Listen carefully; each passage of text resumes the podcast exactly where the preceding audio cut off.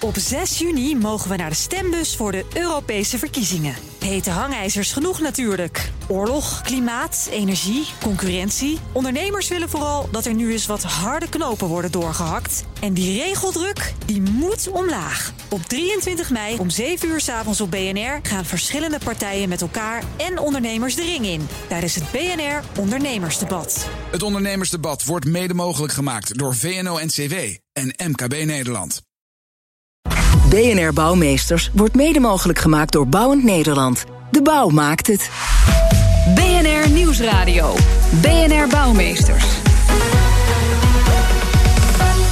Paul Lasseur. In de serie interviews met grote bouwers is hier vandaag de gast Ton Hille, topman van bouwbedrijf Heijmans. 4500 medewerkers, een omzet van bijna anderhalf miljard. Daarmee een eh, top 5 eh, speler. Dat zijn althans de cijfers van vorig jaar. Klopt dat nog een beetje, meneer Hille? Ik denk dat u redelijk in de richting zit. Nou, hoe dan ook, eh, hartelijk welkom in BNR Bouwmeesters. ja, ik begin toch met, met een blik op de concurrentie vandaag. BAM en Volker Wessels die gaan hard onderuit op de beurs. Vanwege miljoenen tegenvallers, tientallen miljoenen tegenvallers bij de zeesluis in IJmuiden. Prachtig project. Er wordt, al wordt alweer volop gebouwd in Nederland. De crisis is voorbij in de sector. En dan nog doemen allerlei spoken op uit het verleden die nu dan de concurrentie omlaag trekken. Hoe, hoe kijkt u daarnaar? Nou, ik denk dat het gewoon niet goed is voor de sector dat we hiermee te maken hebben. Uh, ik benijd de mannen niet van Bam en Volker. Uh, hoop ook dat wat dat betreft dat we een betere balans krijgen in de toekomst over risico's, risico's accepteren en de grootheid van projecten, dat we die veel meer beheersbaarder maken. Ehm, nou ja, en daarmee uh, denk ik dat we moeten proberen om ja, dan een volgende stap te maken en dan een betere balans te maken tussen opdrachtgever en opdrachtnemer. Ja, want het lijkt wel een structureel probleem in de sector en niet van individuele spelers. Want nu zijn het uh, Volker en Bam. Maar het had ook Heijmans kunnen zijn, hoor, hoor, ik u bijna zeggen. Nou ja, goed even. Wij komen uit een periode dat wij ook een aantal projecten hadden die verlieslatend waren en waar we het heel moeilijk door hebben gehad. En wij mogen het vandaag de dag afkloppen dat wij op dit moment zeg maar in een betere balans zitten tussen de projecten die we doen en de winstgevendheid daarbinnen. Want bij Heijmans zitten geen lijken meer in de kast? Nou, in ieder geval sowieso, als zoals ik nu weet, in ieder geval niet. Laat dat helder zijn. Ja, daar zijn dus, het lijken voor natuurlijk. precies. Uh, maar nee, niet dat ik weet. Uh, maar het is altijd opletten geblazen. We zitten in een projectenbusiness. Uh, maar op dit moment denk ik dat wij een portefeuille hebben die, nou, waar ik niet ongelukkig mee ben. Nee, maar dat, dat vergt wel heel veel concentratie en focus om te, om te zorgen dat het er niet toch insluipt, lijkt het wel. Want het, het zit echt ingebakken in de systematiek, lijkt het wel. Ja, er zit wel een basis in van wij denken dat we alles moeten kunnen.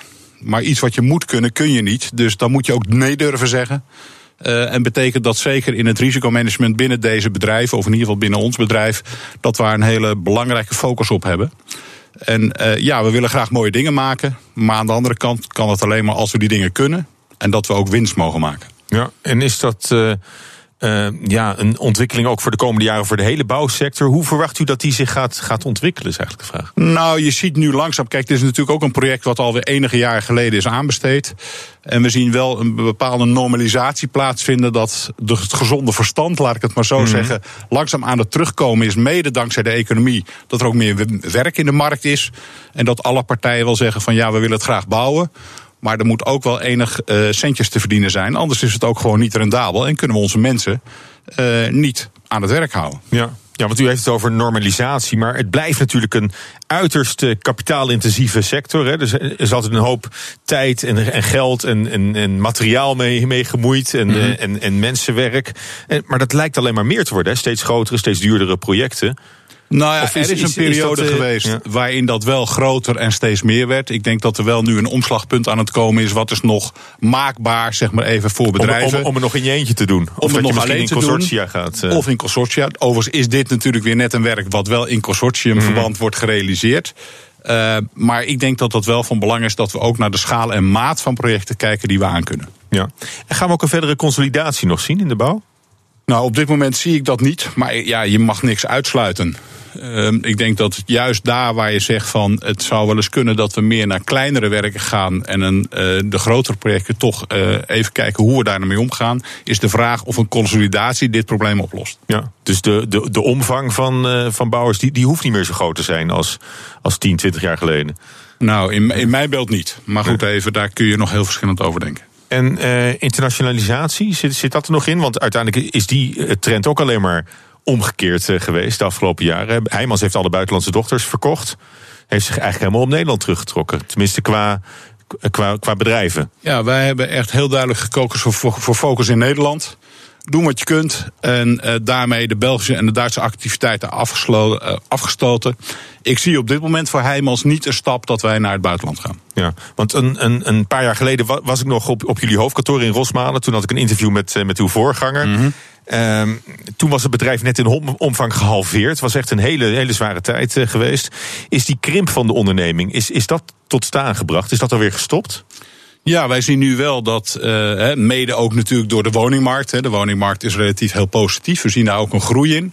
Dat het uh, inkrimpen van het bedrijf tot staan is gebracht. En dat de omvang van zeg maar anderhalf miljard, dat dat ongeveer een bodem is en een basis is. En waar de organisatie ook op is uitgelegd. Ja, en qua medewerkers? Ja, ik denk datzelfde al even. Dat we ongeveer 4.500 ja, 4.500 medewerkers. Ik geloof uh, nu iets 44, 60. In die orde, dat zal wel een basis zijn om te kunnen doen. En dat is dan de, de vaste groep medewerkers. Daaromheen zit waarschijnlijk een hele vrij grote flexibele schil voor, voor, voor projecten. Nou ja, wat je ziet is vaak dat in werken dat wij uh, uitgaan, zeg maar even, dat 70% van de werkzaamheden wordt ingekocht bij mhm. derden, leveranciers, onderaannemers. Daarnaast zien we ook nog een flexibele schil, ook nog een keer in het eigen personeelsbestand. Uh, dus als je kijkt wat de impact is van Heijmans in de totale omgeving, is die vele malen groter. U geeft aan veel meer mensen werk dan, ja. dan die uh, hoeveelheid uh, vaste ja, maar, medewerkers doet. ja, en niet alleen wij, maar de hele bouwsector ja. als zodanig betekent dat niet alleen de bedrijven voor hun eigen mensen een verantwoordelijkheid hebben, maar ook voor de schilder omheen. Ja, en als, als we nou nog even, even teruggaan in, in de tijd, tot, bijvoorbeeld toen, toen ik er net, net, net nog was. Hoe, hoe slecht was Heijmans er toen aan toe? Nou, ik denk dat wij eind 2016 uh, door een hele diep dal zijn gegaan. Uh, wij hebben toen moeten communiceren dat we een verlies hadden van 110 miljoen.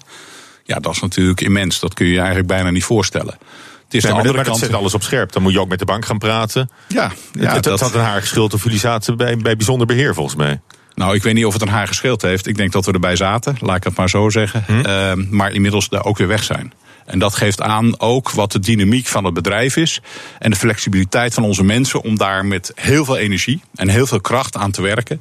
En dat we inmiddels weer op de gezonde weg zijn. Ja, maar u zat dus daadwerkelijk bij, bij bijzonder beheer. En u, u heeft dus, we kunnen zeggen dat u echt langs, langs, langs de afgrond bent uh, gescheerd. Denk ja, ik weet niet of dat langs de afgrond is. In ieder geval, we hadden het zwaar. Uh, het is niet, dat is niet nou, het is in elk geval een moment waarop de banken het, het, voor het zeggen krijgen, in feite. Nee, nee, de banken hebben het niet voor het zeggen op het moment dat je bij bijzonder beheer zit. Je hebt vaker gesprekken met de banken. Dat hmm. betekent dat de verantwoordelijkheid gewoon bij het bestuur ligt. Maar bij die zin dat we wel heel nauw overleg hebben gehad. Daar hebben we ook een herfinanciering moeten doen. We hebben de buitenlanden moeten verkopen. We hebben afspraken gemaakt over de probleemprojecten. En inmiddels zijn we heel veel stappen verder. En is het ja. zelfs zo dat we de herfinanciering tot 2022 hebben kunnen realiseren. Ja. Dat geeft ook aan hoeveel vertrouwen ook aan de financiële kant is naar de onderneming toe. Want die ruimte heeft u wel gekregen van de banken om het bedrijf weer, weer op te bouwen naar, naar eigen inzichten ook. Ja, dat hebben wij gekregen. En daar zijn we ook heel content over voor het vertrouwen wat we van hun hebben gekregen. Nou, nu zit de eerste helft van 2018 eh, erop, hè, dus we kunnen de balansen, tussenbalansen opmaken. Vorig jaar was echt een transitiejaar. Mm -hmm. uh, na jarenlange financiële uh, wanprestaties ging het eindelijk beter. Uh, is die lijn doorgezet in de eerste helft van 2018? Nou ja, wat wij in de trading update van het eerste kwartaal hebben aangegeven, dat we eigenlijk doorzetten op die transitie.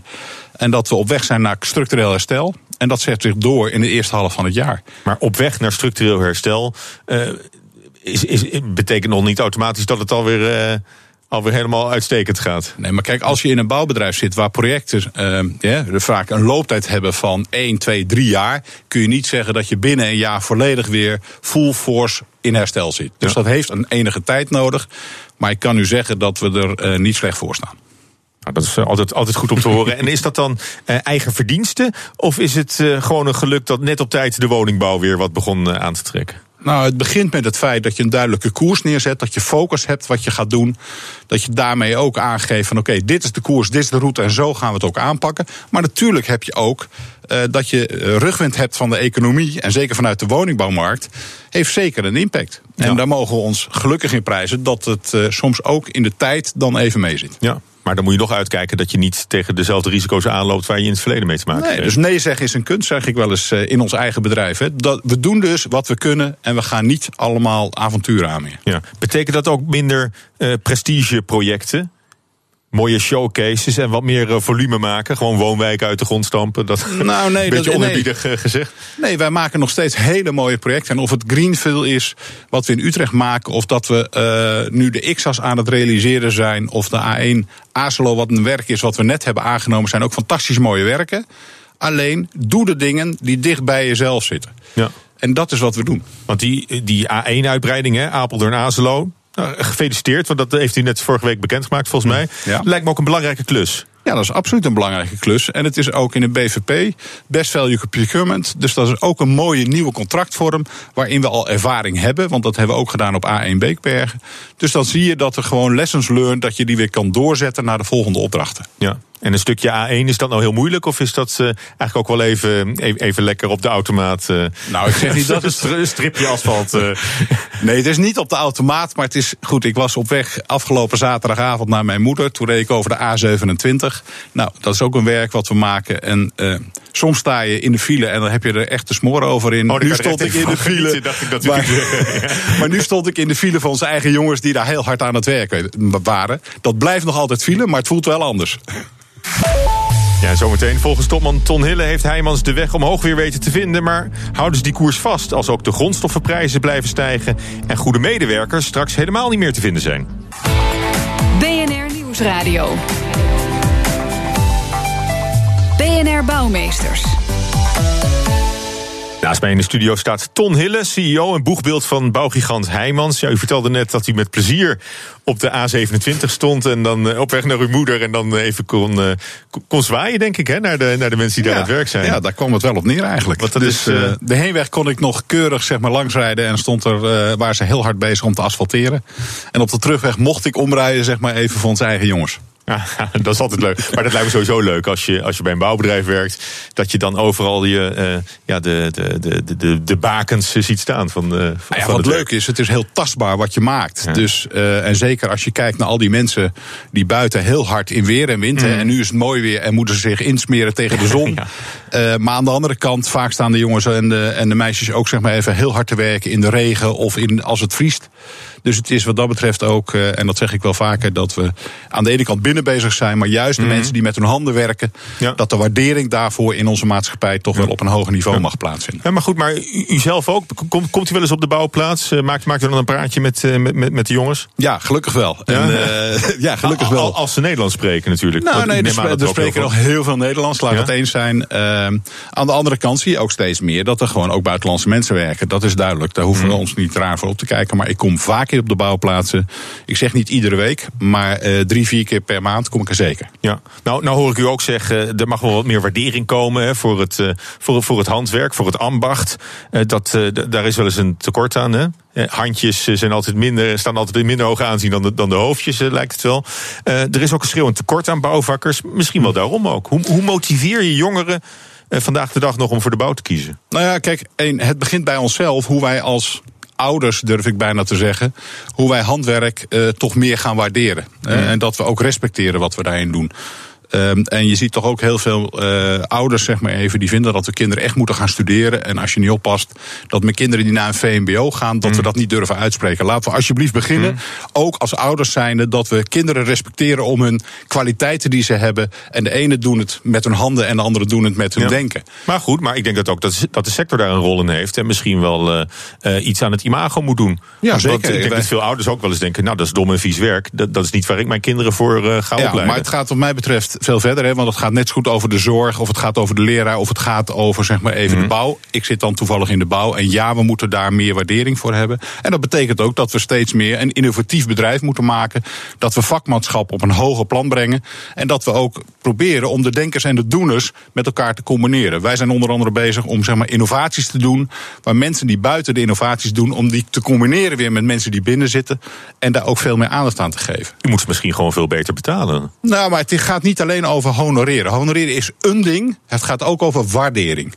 En waardering en respect zijn voor mij nog belangrijkere dingen dan honoring. Is ja, maar ook maar waarderen. Ik, uh, ja, put your money where your mouth is, zou ik zeggen. U, u heeft dat uh, in, in, in, de hand. U kunt, daar, uh, u kunt daar een verschil in maken. Zeker, en daar zijn we ook mee bezig. Dus in die zin zijn we dus ook vanaf, bezig. Vanaf het moment dat het heel goed betaalt, zullen meer mensen geneigd zijn om te zeggen van ga maar een paar jaar in de bouw werken. Ja, maar kan, je even, meteen, kan je meteen je studie betalen. Maar ik denk dat er ook redelijk goed betaald wordt in de bouw. Laat ik daar ook heel duidelijk in zijn. Maar het gaat vooral over dat we ook zorgen dat we in een gezonde leefomgeving, werkomgeving zitten. En dat het voor mensen ook leuk is om, te, om daarin te werken. Dat ze ook gerespecteerd worden.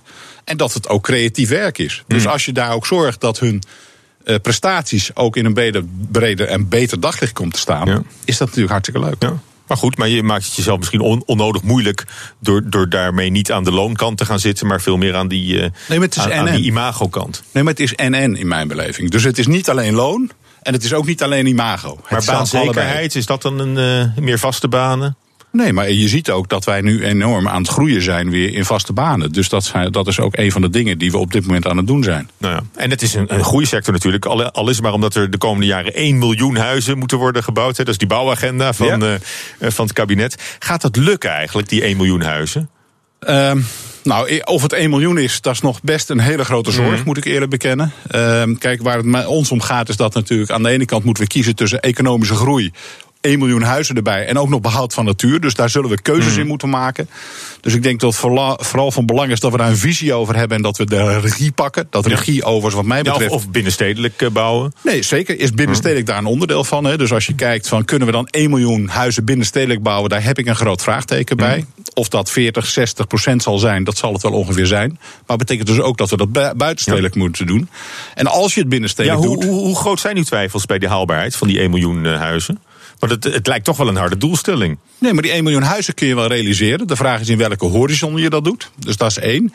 Als je kijkt voor of 2030 of dat wel. Uh... Nou ja, ik denk dat dat heel ambitieus is. Als ik heel eerlijk ben. 100.000 woningen per jaar is echt heel veel. Dat hebben we zelfs niet voor de crisis gehaald.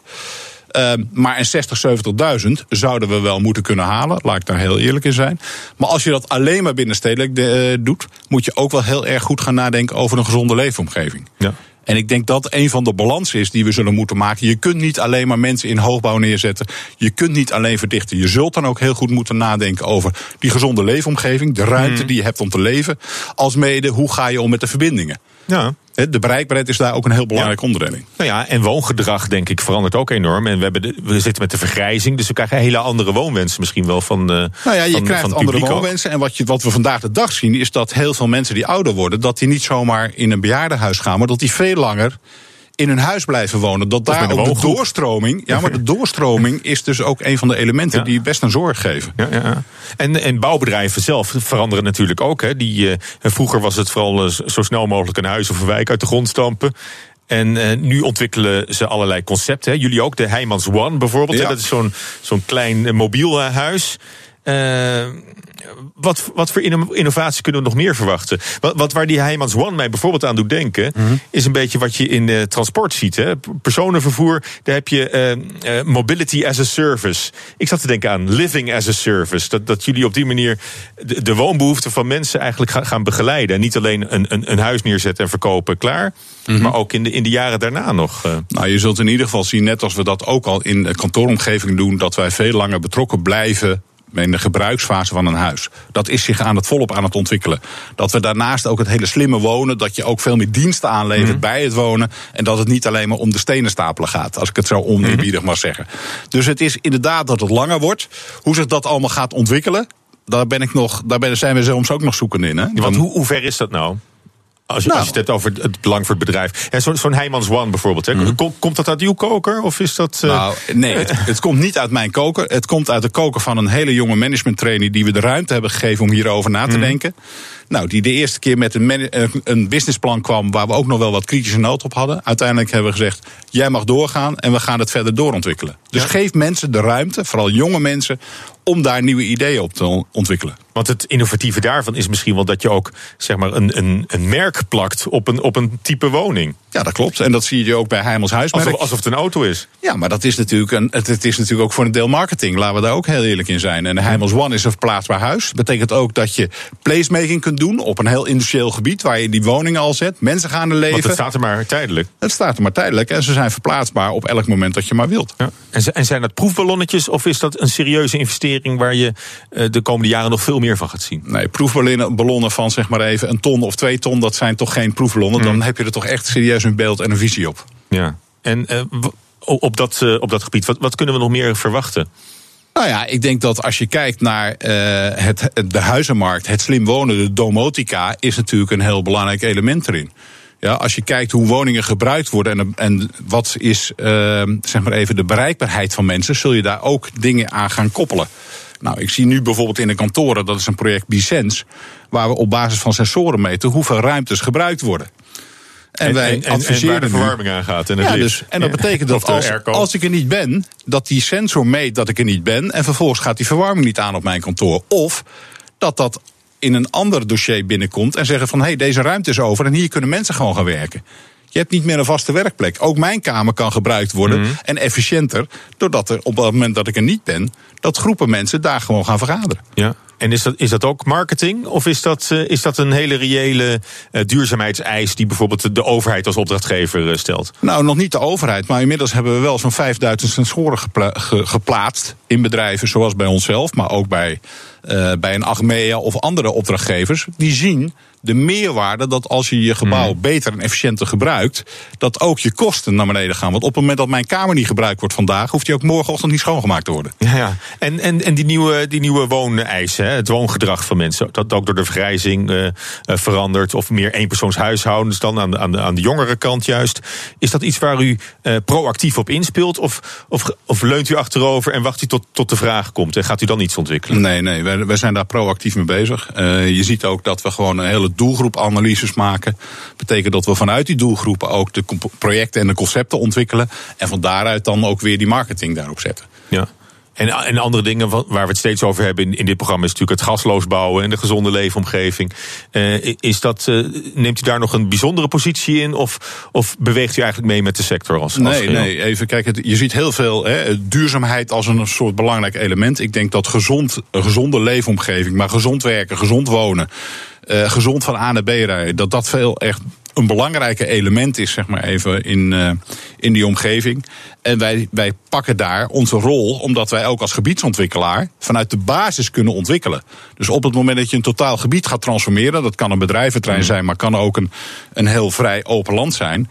Als je daar vanuit de basis de duurzaamheid en de gezonde leefomgeving gaat creëren, ja, dan ga je echt de slagen maken. Dan gaat het niet meer alleen om de woning, maar gaat het om het gebied. En dat zijn investeringen die ook wel terugverdiend kunnen worden. Ja, die kunnen zeker terugverdiend worden. En ik vind dat je daar ook een maatschappelijke verantwoordelijkheid in hebt. Ja. Nog even kort over uw eh, persoon. Uw hele leven werkt u al bij, eh, bij Heijmans. Kun je zeggen op een paar kleine uitstapjes eh, na. Ja. Sinds december 2016 als, als bestuursvoorzitter. Uh, heeft u dat altijd zo voor ogen gehad? Nee, helemaal niet. in de bouw? Nee, nee helemaal niet. Ik, uh, het, is mij voorge uh, ja, het is me overkomen, laat ik het zo zeggen. Ik kom overigens uit de vastgoedontwikkeling. Hm. Dus als u zegt waar zit uw hoeksteen, ja. dan is het de vastgoedontwikkeling juist. Uh, en daarnaast zeg maar even de bouw en de infrastructuur tot me gekregen. Uh, ja, ik heb altijd twee, twee loopbanen gehad, zeg ik altijd. Eén, rallyrijden op een semi-professioneel gebied. En daarnaast werken bij Heijmans. En uh, die twee heb ik gelukkig mogen combineren. Oké, okay. en um, nou heeft u als bestuurslid al meegemaakt dat alle buitenlandse dochters verkocht worden, bijvoorbeeld. Is dat nou iets waar, waarvan u misschien zegt: uh, als ik mijn stempel wil drukken op Heijmans, en, en, en dat wilt u, want u mm -hmm. bent daar de topman, gaat u dan over de grens nog een vlag planten? Nee, ik denk, ik heb niet voor ogen om nu een vlag te planten. Dat zou ook niet reëel zijn. Als je net anderhalf jaar geleden de buitenlanden hebt verkocht. Waar het om gaat is dat we dit gezond bedrijf maken. Dat we een florerend bedrijf maken. Zodanig dat, ja, en ik heb het zelf zo bijna gezegd. 2023 is Heimels 100 jaar. Het lijkt me een heel mooi momentum.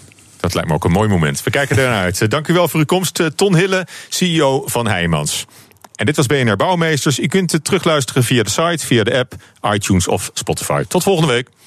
BNR Bouwmeesters wordt mede mogelijk gemaakt door Bouwend Nederland. De bouw maakt het. Op 6 juni mogen we naar de stembus voor de Europese verkiezingen. Hete hangijzers genoeg natuurlijk. Oorlog, klimaat, energie, concurrentie. Ondernemers willen vooral dat er nu eens wat harde knopen worden doorgehakt. En die regeldruk, die moet omlaag. Op 23 mei om 7 uur s avonds op BNR gaan verschillende partijen met elkaar en ondernemers de ring in. Tijdens het BNR Ondernemersdebat. Het ondernemersdebat wordt mede mogelijk gemaakt door VNO-NCW en MKB Nederland.